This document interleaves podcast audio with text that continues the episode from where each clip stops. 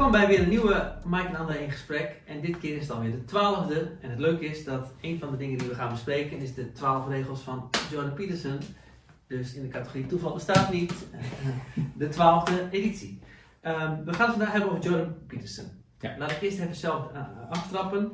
Ehm, ehm, ik had een half jaar geleden of een jaar geleden nog nooit gehoord van. Oh, nou, dat is niet helemaal waar. maar Ik had bijna niet gehoord van Jordan Peterson.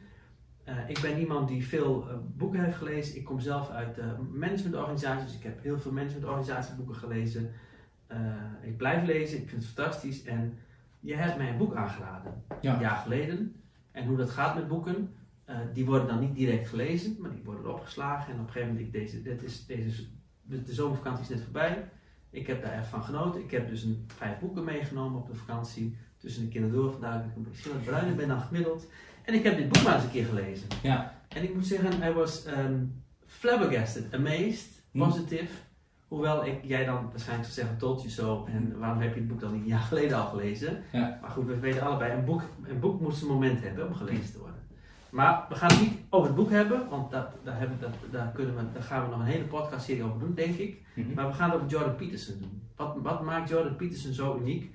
En hoe komt het dat jij mij dat boek hebt aangeraden? En hoe kan het dat ik daar zelf niet ben opgekomen? Ja, dat is het meest interessante natuurlijk. Die, die vraag kan ik alleen zelf beantwoorden. En ik, ik denk dat ik die vraag heel simpel al kan beantwoorden. Ja? Kijk, ik, ik, ik ben een, een, een self-made eh, organisatiestratege. Dus ik, heb, ik, ik, kom, ik ben een jurist van huis uit. Ik, ik heb rechten gestudeerd. Eh, ik heb heel veel organisatieboeken gelezen. Maar eigenlijk niet psychologie.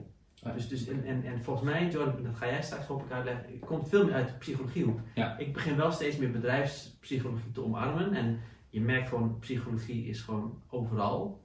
Uh, dus dus, dus dat, dat is denk ik ook het mooie van onze samenwerking. Uh, die toevoeging die jij brengt aan Westing, Mijn en Co. komt vooral ook uit die hoek. Ja. Wat ik een verrijking vind en een verademing. Terwijl het best wel gek is, want toen ik Jordan Peterson begon te lezen, en in de intro zag ik dat een van de personen waar hij door heel erg geïnspireerd is geraakt, uh, Mircea Eliade, notabene, was ooit notabene een huisvriend van ons. Ja. Sterker nog, de, de, het is de, de enige Roemeense schrijver die voor de Nobelprijs van, voor de literatuur is genomineerd. Ik heb nog met hem geschaakt als kind en ik heb het nog, een, ooit nog eens een linkshandige baseballhandschoen van hem gekregen uit Amerika. In de, in, toen ik acht was, denk ik, of tien, in de tijd dat we nog geen online hadden. En, en het was een linkshandige, dat was voor mij ideaal. Dus um, er is wel een link. Ja. Ik, ik, heb hem dus, dus op een of andere manier komt de wereld weer rond. Dus we willen het vandaag hebben over Jordan Peterson. Uh, maar eerst wil ik graag van jou weten, uh, hoe ben jij erbij gekomen? Ja, dat is een uh, mooie introductie en een goede vraag, denk ik. Want voor mij is dat inmiddels alweer een aantal jaren geleden, ik geloof een jaar of vijf, dat ik voor het eerst met hem in aanraking ben gekomen. Um, en dat was via een medestudent vanuit school. Ik deed uh, social work op dat moment. Um, inmiddels twee jaar geleden afgestudeerd, al wat langer volgens mij. En een student die raadde mij aan om eens naar Jordan Peterson te gaan luisteren. Een van zijn video's te bekijken die online staat. Want ik was toen ook bezig met zelfhulptesten en persoonlijkheidstesten. En eh, toen zei die persoon van ja, de Ocean test, dat is wel echt een van de betere testen. De Big Five. De Big Five dus. En toen dacht ik ja, ik had, die, ik had die persoon niet zo heel hoog zitten. En ik was dan toen nog iets meer arrogant dat ik misschien nu kan overkomen voor sommigen. Um, maar dat was eigenlijk een aannamefout die ik maakte. Ja. Um, uh, want hij liet mij een, een, video zien en toen dacht ik, toen ik Jordan Peterson in beeld zag, oudbollig, oud, oud shirt aan, ouderwets, heen en weer lopend, ijsberend voor een klaslokaal, ja. gekke stem. Toen dacht ik, wat, wat gaat die, wat gaat die van mij hier vertellen? Dat, Ja. ja, die man die gaat mij niks nieuws brengen. Dus vrij uh, naïef en behoorlijk arrogant. Dus um, ja, niks mee gedaan eigenlijk. Volledig in de wind geslagen. Ja. Uh, en het was pas jaren later, uh, toen ik zelf onderzoek ging doen naar de MBT-test. En er heel snel achter kwam dat de MBT-test, wat ik eigenlijk wel wist, was um, pseudowetenschappelijk. Dus niet echt wetenschap. Ja. En dat de Big Five daar eigenlijk een plaatsvervanger van is. Ja. En toen kwam ik weer Jordan Peterson tegen. Ik dacht, Jordan Peterson? Ik ken die gast, waar ken ik die van? Ik, Ja. Oh ja, wacht. Dat was toen, toen mij dat aan werd geraden. Ik, zou ik nou iets verder kijken. Ja. En toen ging bij mij ook een wereld open. dacht ik, jeetje, wat heb ik hier een inschattingsfout gemaakt, zeg. Ja. En ja, toen ben ik er eigenlijk ingedoken. En toen kwam ik in een gigantisch rabbit hole terecht. Ik, ben, ik ben het niet helemaal eens met wat je zegt inschattingsfout. Ik, ik, ik ben Oké. al bijna 50, helaas, of gelukkig. Ehm, en ehm, een, een, een, een, een, een, een boek op dat moment niet lezen. Ik heb, een jaar geleden heb je mij dit boek aangeraden, ik heb Mhm. het toen niet gelezen.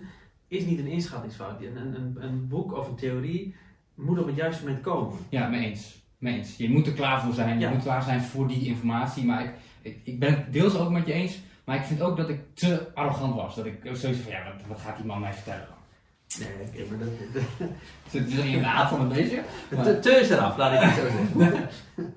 Nee, maar dus eh, op, toen ben ik met die man in aanraking gekomen, met Jordan Peterson. En sindsdien, en ik heb er net een tijdje over nagedacht, eh, van hoeveel uur heb ik eigenlijk inmiddels besteed eh, aan onderzoek naar hem. En naar de content die hij creëert en wat hij zegt en wat hij schrijft. Eh, en ik denk dat ik niet onderschat dat ik eh, inmiddels richting de duizend of wel meer uren aan studiemateriaal heb over hem en zijn onderwerpen. Aan podcastopnamen, YouTube-video's, boeken die hij geschreven heeft, programma's die hij gemaakt heeft, de Big Five zelf, content van de Big Five.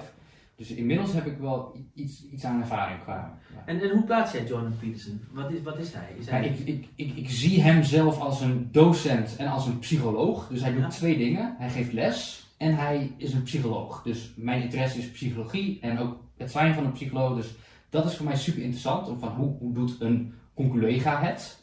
Ja. En als docent zijnde geeft hij les in mensen, in gedrag, in regels, in politiek, in heel veel verschillende domeinen. Ehm, en, en zo zie ik hem. En, eh, voor mij is hij denk ik een bron van inspiratie, een voorbeeld.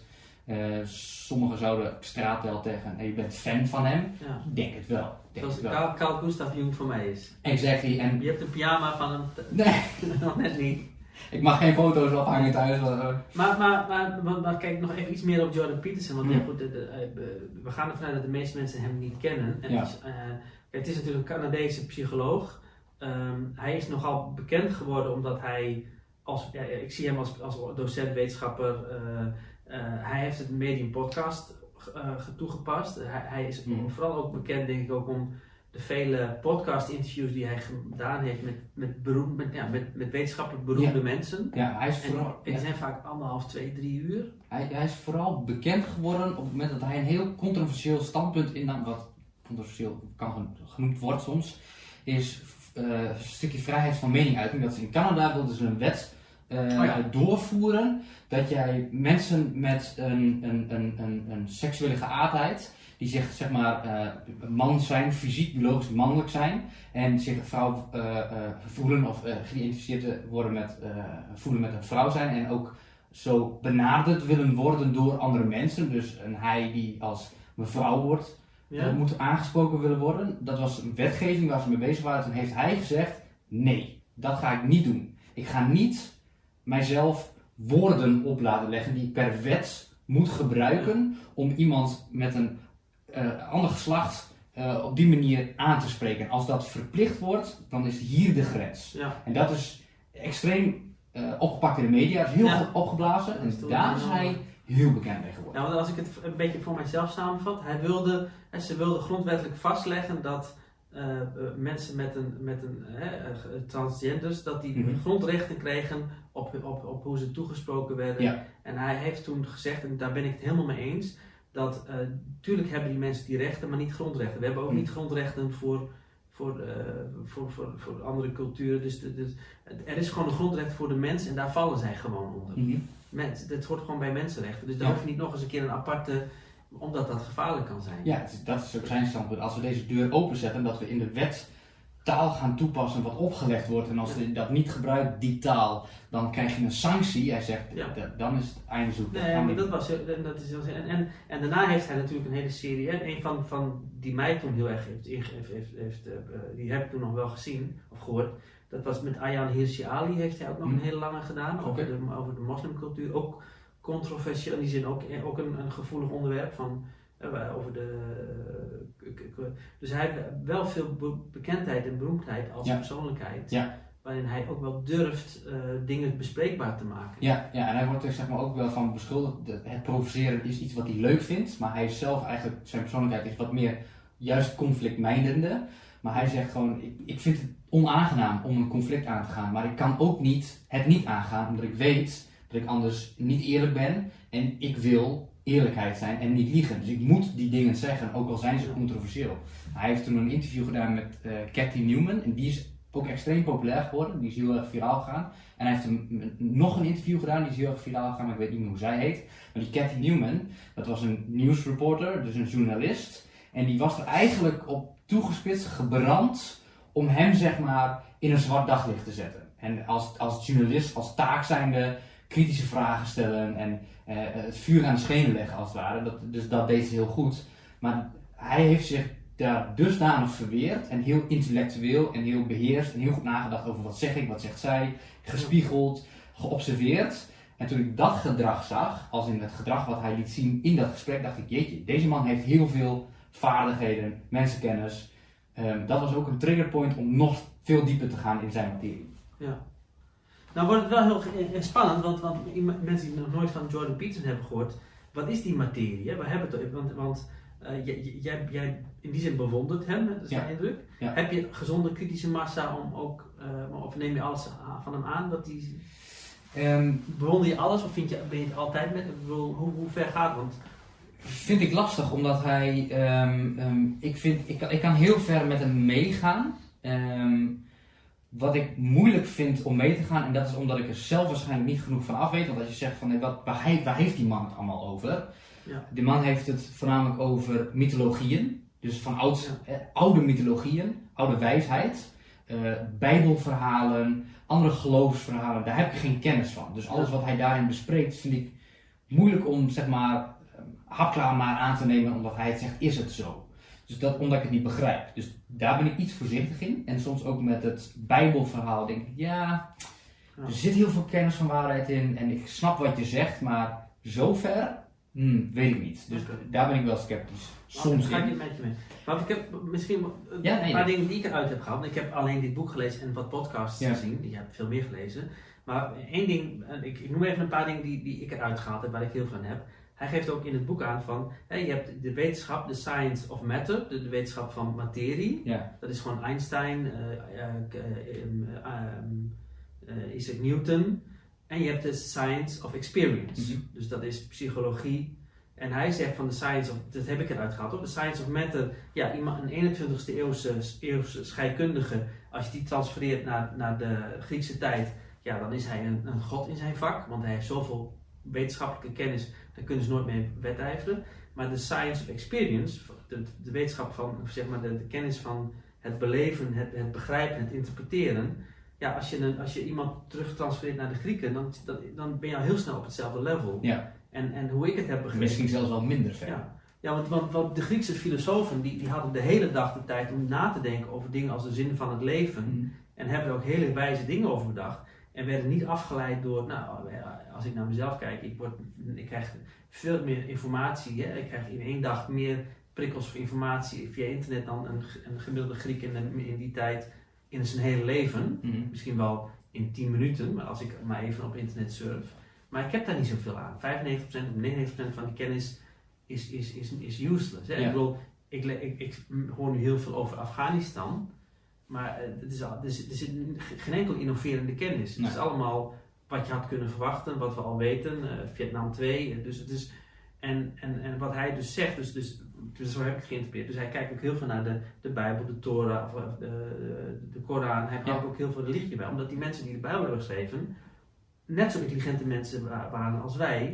En veel meer tijd hadden. Ja. En wat daar staat, heel erg dicht bij de werkelijkheid ligt van nu. Dus hij kan met verhalen uit de Bijbel kan die uitleggen dat heb ik eruit gehaald. Dus dat, dat, dat, dat het dus verstandig is en wijs om vooral wel te kijken wat ze bedoelen. Mm -hmm. Dus niet van de, de, Bijbel te accepteren, maar hem te interpreteren. Dat is goed om te, om, om te nuanceren, want eh, dat was mijn aanname ook hoor. Eh, vroeger op school, toen we met de Bijbel te maken kregen en van een christelijke school ben ik eh, basisschool geweest, dacht ik, onzin, het boek wat er allemaal staat, een, een overstroming en wat, wat een onzin. Dat, dat kan niet gebeurd zijn fysiek, dat bestaat niet.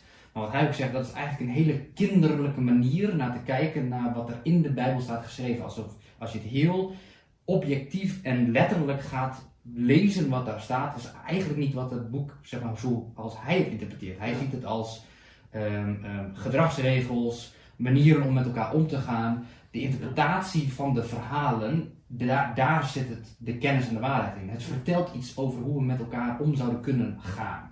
Ja. Ja, en, dan, en dus hij, hij, hij kijkt niet vanuit, hij, wel, ik zou bijna soms denken van dat hij een beetje religieus is, maar hij doet het juist niet. Hij, hij, hij, hij maakt het objectief, dus hij, het is niet een, vanuit religie, maar van welke wijsheden hebben ze proberen op te schrijven. Ja. Zo interpreteren. Ja. En zo een van de mooie concepten waar ik heel veel mee kan, hè, zijn orde en chaos. Hè, hoe die, hoe die eh, beschrijft hè, de, de chaos en orde en dat de mensen streven naar orde en eh, de, de- dat yin en yang symbool, wat, wat, wat deels wit is, deels zwart met allebei een puntje. Ja. Chaos heeft orde nodig, orde heeft chaos nodig. En er zit altijd orde in chaos en Ja. chaos in orde. Dus de slang in de Mhm. Bijbel, dat is dan in zijn boek, is dan de, hè, de- die, die chaos. En, en dat die uiteindelijk, die samen, als die maar goed samenwerken, dan ontstaat er een goede wereld. Mhm. Dus er is niet een ge- geweldige wereld en een, en, een, en een slechte wereld. Je moet, je moet, en, en dat beschrijft hij heel mooi. Ja. Daar kan ik heel veel mee, maar dat is, dat is alweer, dan, dan moet je het gaan lezen. Want, want zoals ik het zeg, eh, hij doet daar hele boeken over. En ehm, een ander concept wat ik ook heel erg van, waar ik heel veel aan heb gehad, is het nihilisme. Hij zegt van, Hmm. hij, het is niet dat hij, eigenlijk zegt hij van je moet zelf weten wat je wil, maar er is maar één optie waar hij niet achter staat en dat is nihilisme. En nihilisme leg ik uit als, er is niks. Ja. We zijn Niks ertoe. We kunnen eigenlijk gewoon morgen de tent sluiten, we kunnen die planeet afknallen. Ja. Het is toch niks, we, we zijn robotjes. En die, als je dat aanhangt, da- dan is het game over. Ja. En daarnaast, eh, eh, hoe jij je purpose invult, dat mag je in principe, ja, eh, ben je daar vrij in, hoewel hij daar wel bepaalde ideeën over heeft. Ja. Maar hij is, eh, ik ben ook een anti-nihilist. Ik, vind Mm. ook, ik weet ook niet of er een God bestaat, geen idee. Als, als die voor iemand anders bestaat, bestaat die in mijn beleving. Want Ja. als je, als Het je, doet het niet toe of die, tenminste, Maar- voor sommige mensen doet het er wel toe of die maar niets niet bestaat niet. Maar het, het, goddelijke gedeelte, en dat is hoe Jung bijvoorbeeld ook beschrijft, hij zegt ehm, ehm, ehm, goed doen ehm, eh, voor het beeld van God. Dus niet voor God aan zich, dat hij, zeg maar, voor God dat hij bestaat, maar voor het beeld van God. Dus eh, doen alsof die bestaat. Wat zou je dan doen? Dus je hoeft niet te doen alsof die bestaat, maar doen alsof hij zou kunnen bestaan. Wat zou je dan doen? Dus dat is een ander uitgangspunt dan te zeggen: ik geloof dat hij bestaat, dus ik gedraag me op een bepaalde manier, anders word ik gestraft. Maar wat zou je gaan doen alsof je aan zou nemen, stel nou voor dat hij bestaat, ik doe niet alsof hij bestaat, maar ik ga wel op die manier leven. Wat zou er dan gebeuren? Ja. Ik vind dat een heel interessant stuk. En een God is eigenlijk niets meer dan een oordeler boven je neerzetten. Want een God veroordeelt. Ja. En als jij een ideaalbeeld van jezelf laat zien, ik wil graag een goede vader zijn, heb je een bepaalde God. Heb je een bepaald ideaalbeeld. Jij stelt jezelf voor als een persoon die zich op een bepaalde manier gedraagt, Ja. de goede vader. En als je op dat moment je niet gedraagt zoals jij denkt dat een goede vader is, word je veroordeeld door jezelf. Ja. Ja, nee, dat is, dat is mooi. Ja, voor, voor mij is het ook, want kijk, ik ben christelijk opgevoed, net als jij. Ik, eh, ik ben niet, eh, ik, zeg, al- ik zeg altijd, ik ben niet religieus, ik ben wel gelovig. Dat laatste ga ik ook nog ontkennen.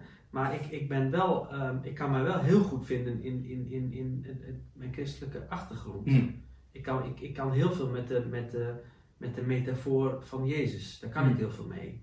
Ik, ik, ik, als jij mij op de man af gaat vragen van, denk je dat de Zoon van God op aarde is geweest? Nee, nee, natuurlijk niet. Flauwekul. Maar eh, v- eh, eh, het verhaal wat ze toen hebben be- geschreven, niet bedacht, niet verzonnen, maar gewoon, ze hebben een projectie gemaakt van wat ze toen dachten en toen wilden en toen wilden overbrengen. Ja, wat zij daar, die gedachte, daar sta ik wel achter. Ja. Daar hou ik wel heel erg van. Dus in die zin ben ik wel een christen. Ja. Maar als je mij met een, eh, met een eh, onder dwang eh, gaat zeggen van heeft Christus ooit geleefd, dan is het antwoord nee. Nee. In, de goedanigheid van als de zoon van God. Misschien wel een personage geweest. Maar ik ben wel heel blij dat dat boek geschreven is. Hm. Maar, maar dus, Heb dus, je hem dus gelezen? Ja. De Bijbel? het Nieuwe Testament. Het Oude Testament ben ik niet doorheen gekomen. Dat werd mij op een gegeven moment te, Oké. te heftig. Maar het Nieuwe Testament heb ik gelezen. Ja, Oké. ja, dat, dat- ja dat, is, dat is, ik vond het wel inspirerend. Ja. Alleen als je het als een roman gaat lezen of een kookboek, ja, dan kom je nergens mee. Nee, nee, nee. Je- hoe, ik, hoe ik het heb, ik heb het op latere leeftijd gelezen, dus ik denk acht jaar geleden, voordat Hmm. de kinderen, nou ongeveer dat de kinderen werden geboren. Eh, ik, ik heb het mezelf bewust, want ik was toen 40. Ik heb tegen mezelf gezegd, nee, ik, wil, ik ga het niet als verhalenboek lezen, maar ik ga gewoon bij elke, terwijl ik lees, ga ik alleen maar denken van, wat wil de schrijver Hmm. mij meegeven? Mhm. Als ik Lucas of Matthäus lees, Niet van, eh, oké, Jezus is, is naar Nazareth gegaan of hij heeft dat gedaan. Nee, waarom zeg je me dit? Waarom, Ja. waarom zet je dit neer? Waarom maak, je- waarom maak je gebruik van deze beeldspraak? Mhm. De boek is gewoon, of de Bijbel is gewoon één boek van beeldspraak. Ja. En soms, als je het letterlijk leest, denk je, wat is dit, wat is dit voor flauwekul? Ja, en, en, en ehm, heel simpel van, ehm, eh, eh, God loopt over, of Jezus loopt over water. Waarom, waarom, willen ze dat, waarom willen ze die metafoor? En dan ga je daarover nadenken. Ja. En in eerste instantie kom je er niet eens achter. Nee. En als je dan doorleest, op een gegeven moment gaan kwartjes vallen en dan worden er hele wijze dingen Ja, gezegd. nou, dat heeft hij dus ook gedaan. En dan voornamelijk gekeken vanuit het psychologisch perspectief. Van wat proberen ze hiermee te zeggen? Als we vanuit het psy- psychologisch perspectief kijken naar de verhalen. Er zit zo'n hele mooie lijn in. Zoals het Oude Testament, daar worden mensen nog gestenigd. En ehm, in sommige reli- religies gebeurt het nog. En Jezus zegt dan op een gegeven moment, hij die zonder zonde is, werpen de eerste steen. Terwijl ik dan zou denken, oké, hij is dan de eerste die de steen pakt en iemand gaat gooien, want hij heeft geen zonde begaan. Hm.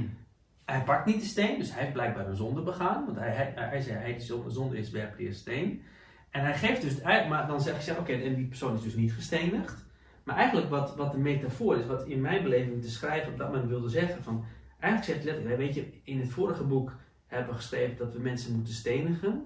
Maar daar komen wij nu op terug. Dat is wel heel erg, dat moeten we niet meer willen. Dat was een inschattingsfout of dat, dat willen we niet meer. Dus eigenlijk is het gewoon een correctie. Ja. Dus ik lees het als van, oké, weet je, inderdaad in het Oude Testament stond inderdaad dat we homo's van torens moesten gooien, weet ik veel, of dat we mensen moesten stenigen of, of doodmaken. Maar door voortschrijdend inzicht, en dat heeft God ons verteld, moeten we daarmee ophouden. Ja. En zo lees ik het. Hm. Terwijl ehm, eh, een ander leest het weer van, eh, je moet niet iemand beschuldigen, eh, je, moet, je moet geen boter op je hoofd hebben. Hè, van, hè, van, hè, van, jij doet ook wel eens wat fout. Ja. Dus je moet een ander interpreteren, dat, dat is, zo kan je het ook interpreteren, van, weet je, mensen maken nou eenmaal fouten. Hm. Eh, dus je moet ze ook kunnen vergeven. En, en dan wordt het een leuk verhaal. Dan, Ja. En dan kun je met elkaar in discussie gaan. Nou ja, dat is ook zeg maar een van de boodschappen van Jordan Peterson. Mensen maken fouten. Mensen zijn Ja. goed. Mensen zijn kwaad. Beide. Er, zit, er zit beide in je. En, En- Oké, ja, ja. Nee, en ook een van de dingen is het, het, donker, hè? Dat, dat, je ook, dat er ook gewoon, dat er gewoon ook een, een chaos is, dat er ook een slang is. Dat Ja. vind ik mooi. nou, dat gesprek hebben wij ook wel eens gehad. Van, hè, ben jij een goed persoon of ben je een kwaad persoon? En eh, daar, die, die gesprekken hebben we wel gevoerd. Ik denk dat ik inherent, inherent innerlijk meer en sneller kan neigen naar het kwade doen. En mijn best moet doen om goed te doen. Want als ik mezelf volledig laat varen, geen doel voor ogen. Nou, je kent mijn geschiedenis. Ja. Eh, drank, drugs, al misbruik, eh, eh, niet misbruik van anderen, maar mezelf vooral de vernieling in helpen. Ja. Ik moet mijn best doen om dat niet te doen als het ware. Dus ik denk dat ik eerder geneigd ben om, om kwaad in me te hebben dan goed. Dus ik moet mijn best doen om goed te zijn. maar, je, dat- maar je doet geen kwaad. Nee, maar dat is omdat ik mij daarvoor inzet. Ik ben me er bewust van. Ja, jeetje, ik heb soms ook een gedachte die voorbij komt. Ik denk, jeetje, die kan het daglicht niet verdragen. Ja, dat heb ik ook wel. Maar dat betekent dus van, oh wacht eens even. En dat, ik hoef niet per se die gedachte te zijn, maar dat betekent wel, oh wacht eens even. Dat ben ik ook. Ja. Dat komt ook voorbij. Oh, maar ik heb daar een keuze in dus. Oh, Oké, dus ik moet mezelf in de gaten houden dat ik niet van het spoor afdwaal. Dat ik niet dingen ga doen die niet goed zijn of die ik bestempel als niet goed. Ik moet me bewust het goede spoor opduwen. Dat is iets waar ik me actief voor inzet. En hij heeft ook zoiets gezegd. Om de drommel wees de verdachte op. Als jij jezelf laat varen, kun je een weg inslaan die je niet in wil slaan. Ja. En dat was wel een scherp inzicht. Dat ik, oh, dat is fijn. Fijn. Ik mag, ik, het klopt dus. Mensen hebben goed en kwaad in zich zitten. Ik dus ook. Ja. ja. En hoe ik het interpreteer is van, ja, je hebt, je hebt dan hè, een, eh, dat donker in je. En, eh, we hebben het deze dag nog gehad over Lucifer, die de Ja. Netflix-serie. Waarin, Waarin ook een hele leuke, volgens mij hebben die schrijvers van die serie hebben ook Jordan Peterson gelezen. Want het is echt gewoon, je leest het helemaal doorheen. En dat is, daar, op een gegeven moment zegt ook een van die karakters van, ja, van die, die, eh, die als goed bekend staat van, ja, ik heb donkere gevoelens. Oh ja, ja, ja, ja. En, eh, en, en eigenlijk, en, en dan is een hoofdrolspeler of een, een van de acteurs die speelt dan God. Die zegt, ja, die gevoelens mag je wel hebben, alleen eh, als je er niks mee doet. Ja. En dat, daar ga ik wel in mee. Hè? Als, als ik mezelf zou straffen voor elke nare gedachte die ik heb, ja, dan moet ik mezelf wel af en toe wel straffen. ja. Maar als ik mezelf ga straffen voor alle nare dingen die ik gedaan heb, dan valt het wel mee. Hm. Sterker nog, ik heb niet eens een strafblad. Ik heb nog nooit iets geflikt. Ik heb, ik heb misschien uh, me, me, me, nou, hooguit de belastingdienst een keer in een getalletje verkeerd ingevuld. Maar, maar, maar, maar als ik kijk naar mijn gedachten, hè, ik bedoel, als ik, ehm, dan, dan, heb, heb ik, dan zou ik mezelf wel eens af en toe een tik mogen vergeven. Ja. En, eh, eh, en, en ik vind het mooi hoe, Jordan Peterson daar handen aan voeten geeft. Dat, het gaat, dat, dat, dat dat gewoon wel mag, maar dat het uiteindelijk gaat met je doet. Ja. En die, en die twaalf regels dan? Heb jij, heb jij eh, een van de twaalf regels, om maar even een voorbeeld te doen waarvan je zegt van. dat- dat- heb jij een top? Een van, een van die twaalf waarvan jij zegt van dat is mijn. Daar heb ik heel veel aan gehad. Nou, die twaalf regels, en dit zijn de twaalf, en hij heeft nog een boek geschreven, daar staan er nog weer twaalf in. En hij heeft in totaal, volgens mij, meer dan 300 regels. Nee, een stuk of 60 regels heeft hij toen gecreëerd op een website genaamd Quora. Q, Ah ja, Quora. Ja. Quora. En, ehm, en daar heeft hij die lijst op geknald. En heeft hij natuurlijk wel over nagedacht. En dat is heel erg gaan lopen. En mensen hebben daar heel veel aan gehad. Aan die regels, richtlijnen. Mensen hebben richting nodig, structuur. En daar zijn deze regels uiteindelijk uit voortgekomen. Of daar is dit boek uit voortgekomen, uit die lijst met regels. Dus ik denk Ja, dat dat er nog wel... wel meer dan een miljoen reacties in. Ik denk dat er, eh, ja, dus ik denk dat Op er dat nog, soort getallen moet je denken. ik denk dat er nog wel een, een, een, boek aankomt. Komen nog meer regels? Ehm, maar deze boeken, die zijn eigenlijk nog weer een voortvloeiing uit zijn eerste boek, Maps of Meaning, die hij in 1999 heeft geschreven. Dat is een heel technisch boek, daar ben ik ook aan begonnen en aan het doorspitten, daar ben ik al een tijd mee aan het worstelen. Maar dit is eigenlijk een versimpelde versie daarvan, meer behapbaar.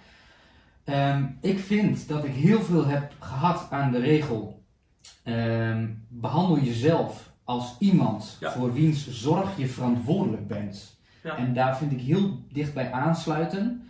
Ehm, sluit vriendschap met mensen die het beste met je voor hebben. En ik zeg ook wel eens, behandel jezelf als je beste vriend die het beste met je voor heeft.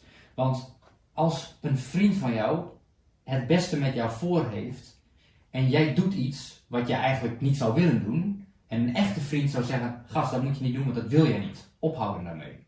Ja. Daar heb je wat aan. Daar heb je veel meer aan als iemand die zegt: Ja, leuk, help jij jezelf de vernieling maar in, want plezier. Ja. Daar heb je heel veel aan. Daar heb ik zelf heel veel aan gehad van: Ja, wacht eens even. Waarom zou ik mezelf eigenlijk niet beter gaan behandelen? En dan wil ik niet egoïstisch en Ja. helemaal niet die kant op, maar goed zijn voor jezelf. En dat is voor heel veel mensen ook moeilijk, want die denken van ja, maar ik moet zorgen voor andere mensen. Die, men, zijn, andere mensen zijn veel meer wa- waard dan dat ik ben. Ehm, maar ik, dat, zo zie ik dat niet meer. Zo zag ik dat wel, een tijdje. Want hij geeft ook een mooi voorbeeld. Hè? Van als, je, als je bijvoorbeeld, eh, mensen die bijvoorbeeld, mm, eh, eh, voor ik zou elke dag medicijnen moeten slikken, dan, zijn men, dan is toch meer dan de helft van de mensen die doet dat uiteindelijk niet. Nee. Ehm, eh, En toch, en, te- terwijl je weet dat het gezond is. als je een huisdier hebt, daar doe je alles voor. Ja, Want die is onschuldig, naïef. ja, Die heeft geen kansen. Jij ziet jezelf, jij weet, je kent jezelf. Je denkt, ja wacht, eh, ik heb slecht in me zitten. Ik doe niet altijd wat goed voor me is. ja, Eh, wat maak ik Ik nou van verdien het mezelf? Ik verdien het niet. Dus zo belangrijk ben ik ook weer niet. En je gaat jezelf, en dat haalt hij dan ook, ja, dan maakt ook links naar de Bijbel alles. Maar dat klopt inderdaad, want als je zegt van je moet gewoon goed voor jezelf zijn. Hij, hij beschrijft heel mooi hoe mensen dat uiteindelijk toch niet kan. Ja. Door, door, door, terwijl als, aan jou, als je zegt, stel je hebt mensen die hebben een hond. eh, en, en, en die, ze hebben zelf een ziekte en die hond moet elke dag een pil, pil in zijn voedsel hebben en jij moet ook elke dag een pil nemen, dan is het dus gewoon wetenschappelijk bewezen dat, dat de, de hond bijna altijd die pil krijgt Ja. En dat de mens uiteindelijk niet goed voor zichzelf zorgt. bizar toch? Dus je moet jezelf als een hond behandelen. Daar heb ik ook over nagedacht. Maar ik denk, als je dat gaat zeggen, dan ja, ik, Nee, maar dit is, dit is echt waar. Ja, nee, tuurlijk. Neem nou voor heel simpel. Ik heb, maar het heeft meer context nodig. ja, ik, ik heb vier kleine kinderen en tandenpoetsen is heel gezond en heel belangrijk. Als jij- Ook voor mij. Als jij vanavond thuis zou komen en je zegt tegen Thea, Thea, vanaf nu ga ik mijn kinderen als hond behandelen. Ik weet niet of je dat er doorheen. Nee, maar bijvoorbeeld met die tandenpoetsen. Kijk, kijk, kijk, ik weet dat het gezond is. En, en, en ik vind ook dat ik elke dag minimaal één keer met mijn tanden moet poetsen. En af en toe heb ik, dan, is het, dan ben ik te moe, heb ik geen zin en dan Mm. doe ik het niet. Mm. Maar mijn kinderen poetsen elke dag. En als ze niet moe zijn, dan moeten ze toch doen. Omdat Ja. ik weet dat het goed voor ze is. Dus mijn kinderen poetsen elke dag en ik dwing ze. Of in ieder geval, ik, ik stimuleer ze. Mhm. Maar ik kan het bij mezelf niet. Dat is interessant. Ja, dus en als je dus inderdaad je- je- jezelf toch al- als dat kind gaat, dan, dan en zoals gisteravond had ik dat ook voor het eerst. Toen dacht ik van, was het ook wat laat geworden, want ik was wat aan het lezen en ik was te veel te laat naar bed. En ik denk van, weet je, ik, moet, ik ben moe, weet je, ik poets morgen mijn tanden wel. Mm. En toen dacht ik van, toen dacht ik weer aan die regel, aan het boek. Ik zei, wat zou ik nu tegen mijn dochter zeggen? Dan zou ik zeggen, joh, doe, het is maar drie minuutjes. En Ja. dan heb, ik heb, ben het toen maar gaan doen. Ja. Maar mijn, mijn, mijn aard was, mijn, mijn, mijn- voordat ik dit boek had gelezen, had ik gewoon gezegd, ah, één keer maakt niet uit. Nee. één keer, maar je weet dat één keer wel uitmaakt, want van één keer komt twee keer, van vier keer. Op een gegeven moment is de ritme Ja. weg. En je weet ook als je patronen gaat doorbreken. Dus die regel, inderdaad, vind ik een van de beste. En de, het- als je hem zo zegt, is die heel simpel. Ja. Maar wat Jordan Peterson doet, wat hem, zijn, wat hem heel goed maakt, is dat hij toelicht, uitlicht vanuit de wetenschap hoe dat komt. Hij is wetenschapper. Dat is natuurlijk Wetenschapper. Hij is een wetenschapper. met, met, met, met, hij pakt daarbij de, de, de science of experience, dus Ja. hoe, hoe, hoe, hoe, je het zelfs uit de Bijbel kunt halen dat dat Ja. zo is. En hij, ehm, eh, hij pakt ook de science of matter, dat het ook eh, wetenschappelijk, dat er hormonen, eh, dat er ook Ja. andere dingen Maar dat is ook wat hij heel goed doet, hè? want dat zegt hij ook. Hij geeft natuurlijk les, wetenschappelijk les. eh, op de Universiteit van Harvard, Harvard heeft hij gestaan, dus hij heeft echt wel. Er zit ook nog een stukje background van wie is die gast dan eigenlijk. Het is een docent, heeft op Harvard gestaan, eh, Universiteit van Toronto gestaan, dus eh, wetenschappelijke psychologie, lesgegeven aan studenten. En hij zegt ook in de wetenschap, als je iets wil aantonen, of het echt is of waar is, dan doe je dat vanuit verschillende methodieken. Dus dat je van allerlei invalshoeken Ja. onderzoek je een fenomeen en als je dan overal hetzelfde concludeert, dan is het waarschijnlijk een feit. En wat hij doet met deze regels is vanuit allerlei verschillende hoeken belicht hij een situatie met verhalen en met objectieve feiten, met wetenschappelijke, ehm, of met, objectieve, met ehm, ehm, experience, verhalen, verhalen uit de Bijbel, eh, vanuit de wetenschap, uit de psychologie, met data, dus hoe hersenen werken, eh, biologie.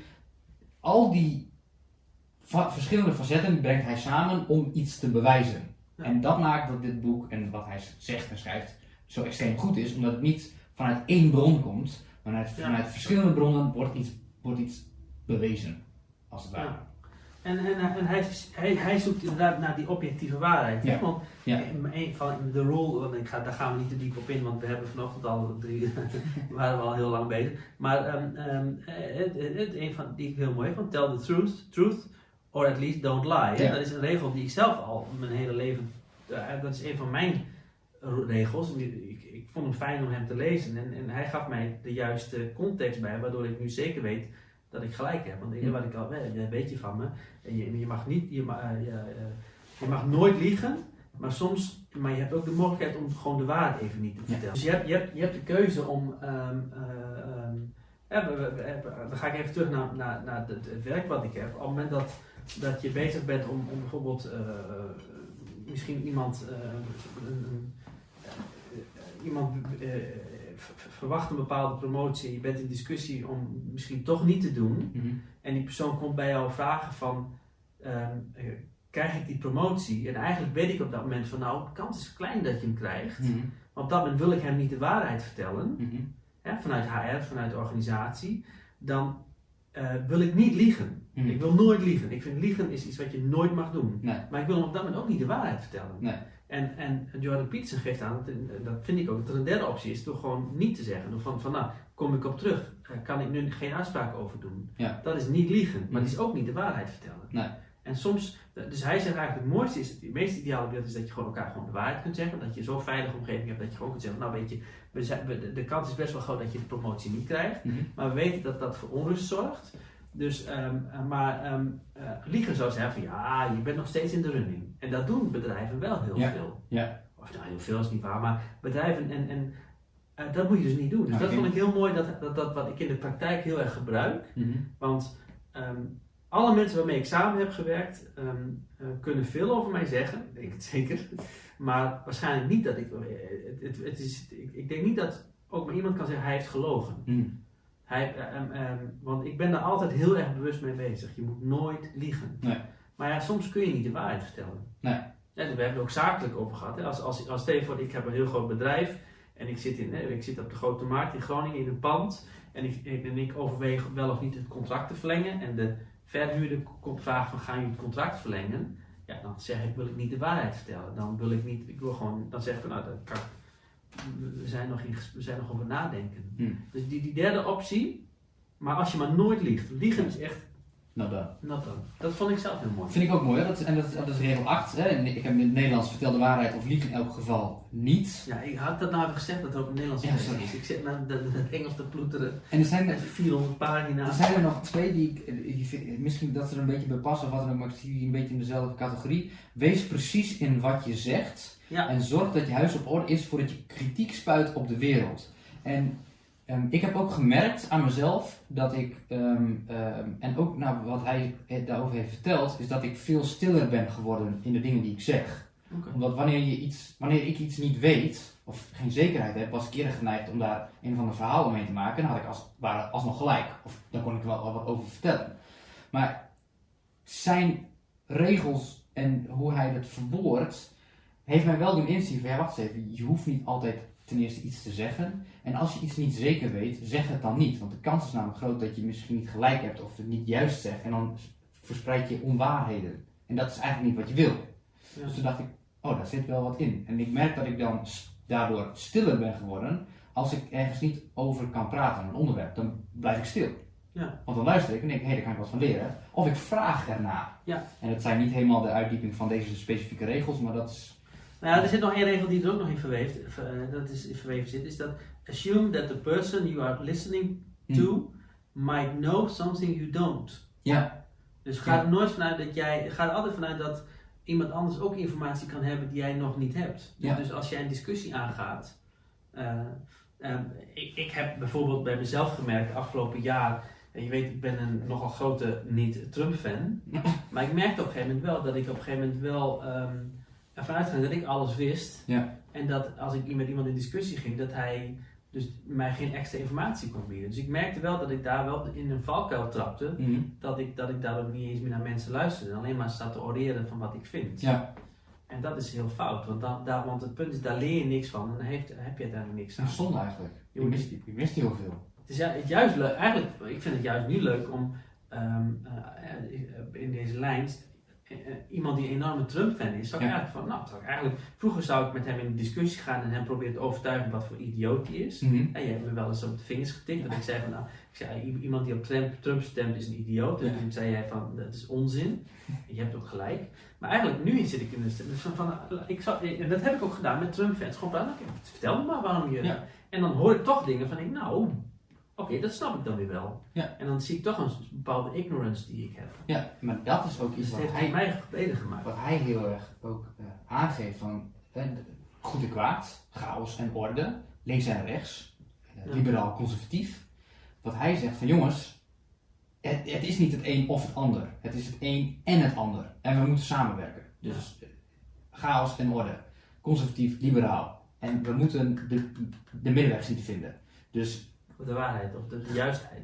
ja, de, De middenweg is het juiste... Eh, Het hoeft, niet- hoeft niet altijd Het het geen, te het zijn. moet geen compromis zijn. Maar het moet niet zijn van jongens, het is alleen maar conservatief of het is alleen maar liberaal. Wij hebben gelijk of wij hebben gelijk. Nee, nee, jullie hebben beide gelijk. Ja. En we moeten het midden zien te vinden. Dus Ja, we moeten elkaar zien te vinden. Precies. Dus eh, wat hij ook zegt van luister ook vooral naar elkaar. Ja. Ju- juist ook naar de partij waar je het dus niet mee eens bent.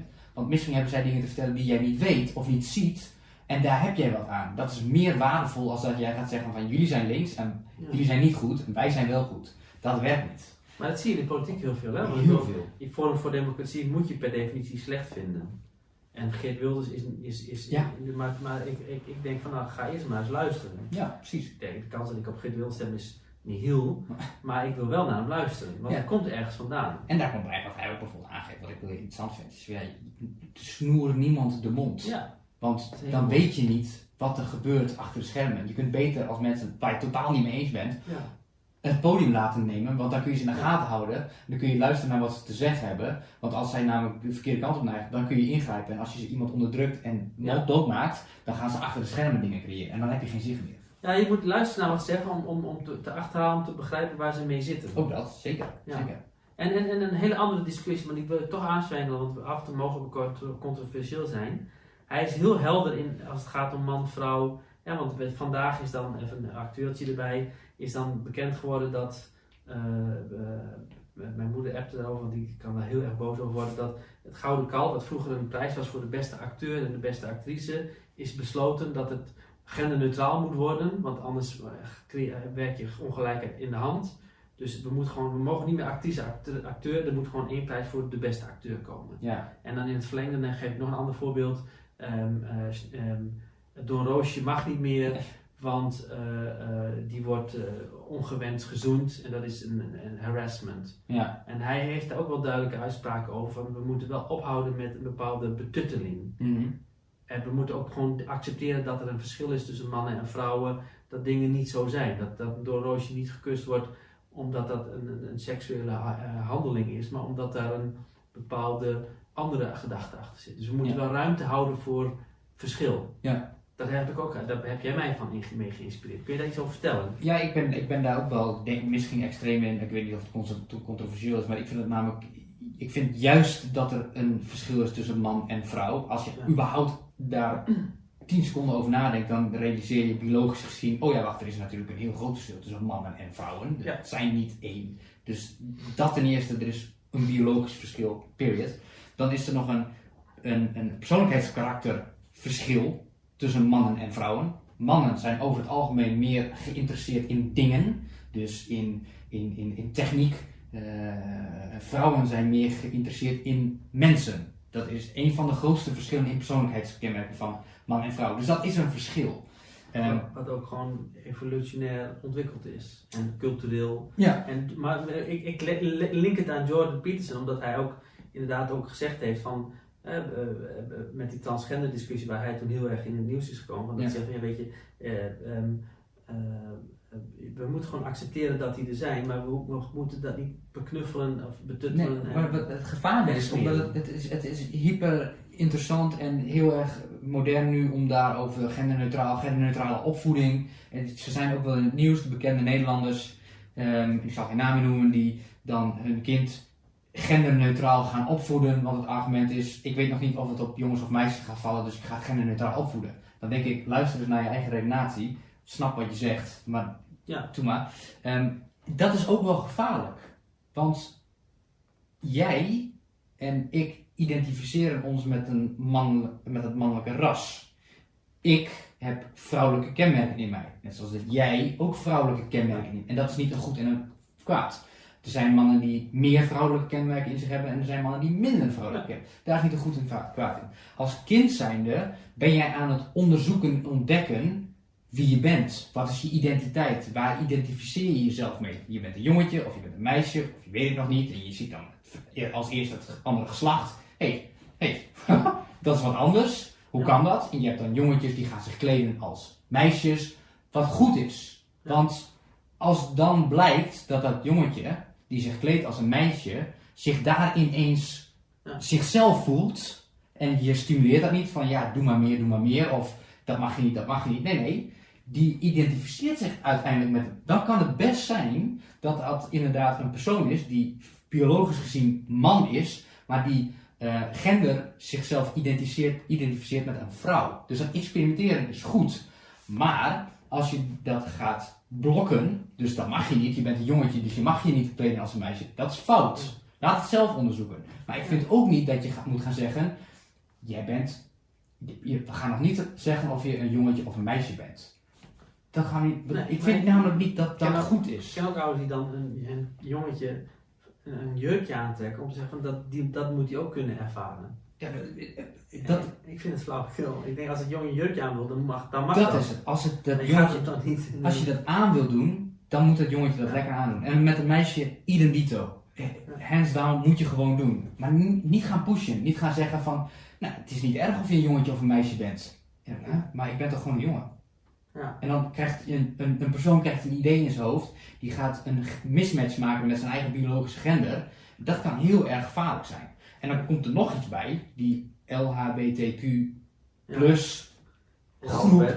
Ja. die wordt dusdanig groot dat het geen eenheidsgroep meer is. Want je hebt natuurlijk ehm, ehm, heteroseksueel, homoseksueel, biseksueel, nu komt er ineens allerlei gender bij, bij kijken. Ja.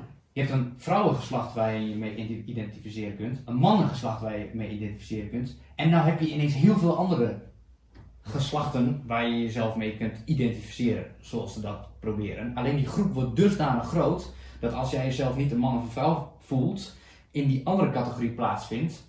In die categorie zijn zoveel verschillende categorieën dat het een, een volledig uiteenvallende groepering is. Dus ik denk niet dat het stand gaat houden, Ja. maar dat zijn mijn aannames. Kijk, kijk, het is wel zo dat eh, alle mensen hebben rechten. Hè? Dus ik bedoel, ik bedoel LGHTB-community moet absoluut eh, eh, hun vrijheid hebben, Tuurlijk. rechten krijgen.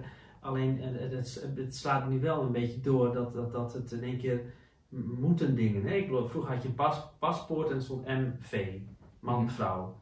Eh, ik vind het helemaal niet erg als iemand zich niet man of vrouw voelt, maar we hebben eenmaal voor de praktische MV, eh nou, daar moet er nu een X bij. Straks he- he- heb je twaalf letters in het paspoort. Of, of een M'tje, een V'tje, een X'je, of je bent dat. Da- daar moeten we niet naartoe willen. Iemand die zich niet man voelt en vrouw wil zijn, moet dat gewoon kunnen. Maar wel in het stramien van de Maar moet je, moet je eens voorstellen, dus, dus een man en vrouw, dat staat op een paspoort. Dus, eh, belangrijk. Ja. Stel je voor, we halen het weg, zet het kruisje neer. Want genderneutraliteit is belangrijk. Chaos.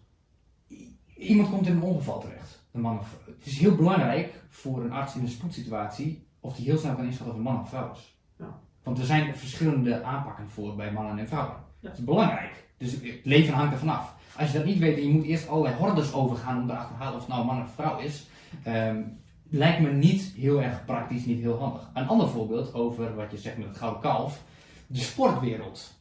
We hebben in de sportwereld een verschil gemaakt tussen mannen, vrouwen, eh, mannensport en vrouwensport. In heel veel sporten.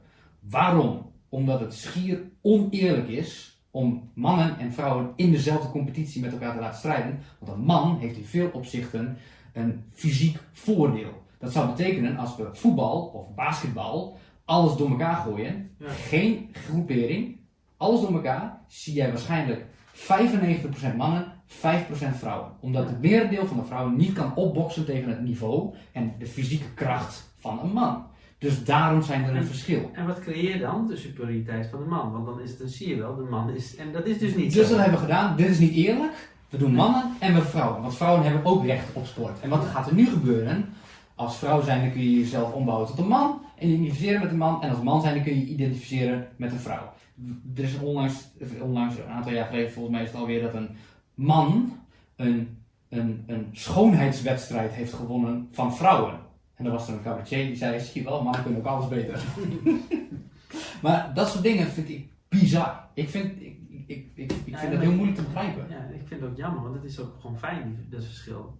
Ik vind het ook fijn dat er mannen en vrouwen zijn, dat er vrouwen zijn, dat er hetero's zijn, dat er homo's zijn. Ik vind het fijn, dat verschil. Ik, vind dat, ik geniet van die diversiteit. Ja. En ik, maar ik vind wel dat ze rechten moeten hebben. Dus ik vind, kijk, als het gaat om het beschermen van de. LGHTB-community, zoals in Oost-Europa of in gebieden waar ze gewoon Tuurlijk. bedreigd worden, direct beschermen. Maar nu in Nederland, als je kijkt naar het niveau wat we hebben gehaald, eh, natuurlijk moeten mensen nog steeds beschermd worden. Mhm. En natuurlijk is het vreemd dat een meisje van 14 eh de gebit uit, eh, uitgeslagen wordt omdat ze niet wil zeggen. Maar dat, dat, dat, dat ga je niet, niet tegengaan door in één keer allerlei regels te bedenken. Nee, en ik, maar ik vind wat jij ook zegt, eigenlijk, we slaan denk ik ook erg door. En ook dat weer is ook, ik denk ook goed.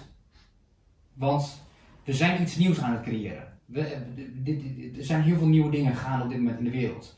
Dus voordat je iets nieuws kunt creëren, moet je ergens een grens overgaan. En we zijn nu Ja. richting een grens aan het gaan, of misschien zijn we er al overheen. Dus we gaan op een gegeven moment een punt krijgen, stop. Tot hier en niet verder. We gaan iets verder terug. We moeten iets normaler gaan doen, wat niet per se normaal is, maar we moeten iets, iets, iets verder teruggaan. En dan wordt dat het nieuwe normaal. Dus ik denk dat het goed is dat we het pushen, een grens overgaan. Ja. Maar ik denk dat we straks weer een klein beetje terugzakken van oké, we gaan, dit is te ver, het schiet te ver door. Ja. Dan heb je, ja, want dan krijg je straks discussie. Hè, dat eh, God mag niet een man als man voorgesteld worden. Er moet een vrouw, Maria is dan een vrouw, die moet dan een keer ook gender. Dus die gaat hele gekke eh, redenaties krijgen, nu al. Ja. Sinterklaas is een man, maar eh, dat mag dan. Maar het wordt straks slecht straks om een man of een Ik, vrouw ik denk dat te het voor zijn. kinderen heel verwarrend is. Als je gewoon niet weet dat de wereld verschillend is. Dat, je, dat ik mijn dochters, mijn vier dochters moet opvoeden dat ze even, even sterk moeten zijn dan jongens, terwijl ze dat niet zijn Ja. op school, in de klas. En dat ik, ze, Ja, maar, dat, en, maar dat ik, dat ik toch eh, heel goed- ik, ik, ik- gelijkwaardigheid, maar dat ze als het gaat om studeren, want dat is dan weer leuk, want mannen zijn de beste in sport. Maar als je nu naar de wetenschap kijkt, meer dan de helft van de, van de studenten is vrouw. Ja, Dus ik denk dat je zult, wat ik denk, je gaat straks zien dat, dat de mannen de sport gaan beheersen, maar dat de wetenschap, eh, ik denk dat je straks meer Nobelprijswinnaars vrouwen zullen zijn dan mannen. Dus ik, dat komt wel goed. Iedereen Ja. pakt zijn en het betekent talenten. Het is, dus, het is dus ook niet zo dat de man per definitie beter is dan een vrouw in sport. Nee. En dat betekent ook dat er heel veel vrouwen zijn die veel beter zijn in sport, als we het over sport hebben, dan mannen. Dan heel veel mannen. Dat is ook. Ja. Tuurlijk is dat er. Maar we hebben het nu over de groepen aan zich. Aan zich. En ik, ik denk dat we duidelijk moeten blijven houden dat er een wezenlijk verschil is tussen een mannenlichaam en een vrouwenlichaam, biologisch gezien. Tussen karakter zit er een aantoonbaar verschil aan. Er zijn meerdere verschillen, maar om niet te ver over in de discussie over mannen en vrouwen te gaan. Nee, nee, maar, maar, maar, maar Jordan Peterson daar... Maar die is daar inderdaad ook. Die, is daar, die heeft daar eh, controversieel durven uitspreken, wordt door andere mensen... Wordt gezien als, als, als vrouwenhater, eh Ja, patriarch, fascist is eh, die fascist. eh, Dus heel- ja, heel maar, ja, maar dat, om- om- om- hij maakt mensen kwetsbaar die heel erg uitgesproken, eh, ja, nee, maar goed. Maar, ja, maar dat is, het, is maar eh, even in, in het kader van, nou ja, wrap-up, voordat we te veel eh, een bepaald hoek gaan. Eh, wat adviseer je mensen die nog helemaal ge- geen ervaring hebben met Jordan Peterson? Heel voorzichtig met je tenen in het water. Wij gaan natuurlijk, we hebben het idee om een aantal podcastseries te maken over eh, de boeken die hij heeft geschreven en de content die hij heeft gecreëerd. Om iets meer de diepte in te gaan over de, over de regels. En als je dat nou interessant vindt, dan zou ik adviseren, koop het boek bijvoorbeeld. 12 regels voor het leven in het Nederlands. Of ga een x aantal van zijn podcasts luisteren die op Spotify staan. Of kijk een aantal van zijn YouTube video's. Hij heeft ook veel ehm, ehm, optredens gedaan over zijn boekpromotie natuurlijk. Over zijn boek. Ehm, dan ben je iets, kom je iets beter beslagen ten ijs. Zul je iets eh, prettiger vinden om naar de volgende podcasts te luisteren die gaan over deze regels. Want dan ben je, heb je namelijk de materie iets meer in je zitten. Maar heb je bijvoorbeeld voor de, voor de geïnteresseerden, die ook dit tot, tot nu toe hebben blijven, zijn blijven zitten, dat je bijvoorbeeld aan het eind van deze podcast, dat je dan een paar eh, eh, YouTube linkjes of dingen, dat je even een uh, begin... Ik kan, ja, ik kan wel onder, onder deze video aantal Bekijk linkjes. deze drie, vier. Ja, en, als het je wat aanspreekt, ga dan, ga dan verder denken. En als het je niet aanspreekt, zo so be it. Ik wil nog één ding zeggen wat ik, wat ik, wat ik zelf ehm, echt heb moeten leren en nog steeds niet onder de knie heb, maar daar wel steeds sneller bewust van werd, wordt en dan daarop acteer, is dat hij zegt, ehm, als je een discussie met iemand hebt of je bent in gesprek Ja? en je, hebt een, je begint aan, aan het discussiëren, iemand heeft een ander standpunt dan jij hebt of je snapt elkaar niet, ehm, probeer dan om het standpunt van de ander, het argument van de ander, zo goed mogelijk te begrijpen en zo sterk mogelijk te maken.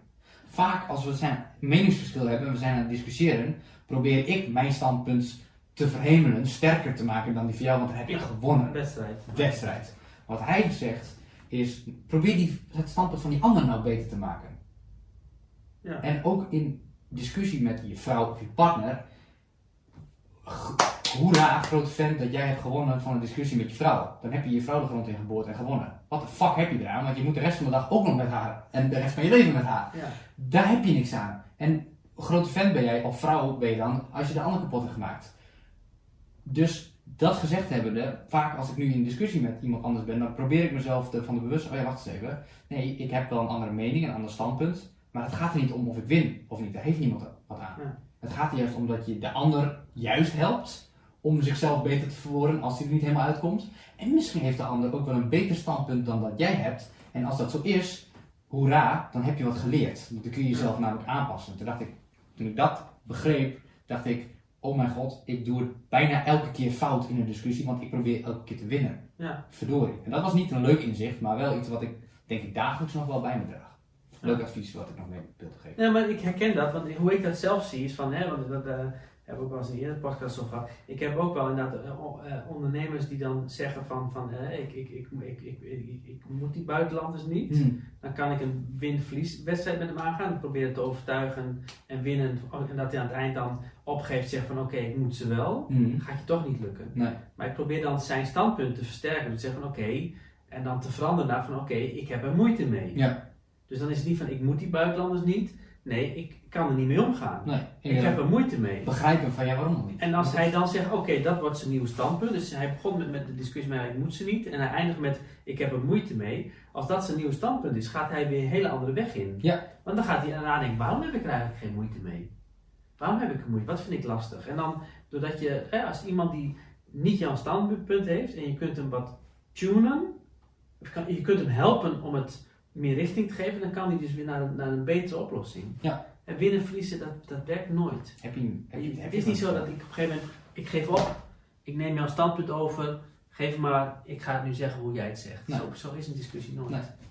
Dat vind ik heel wijs, ja. Dank Mooi.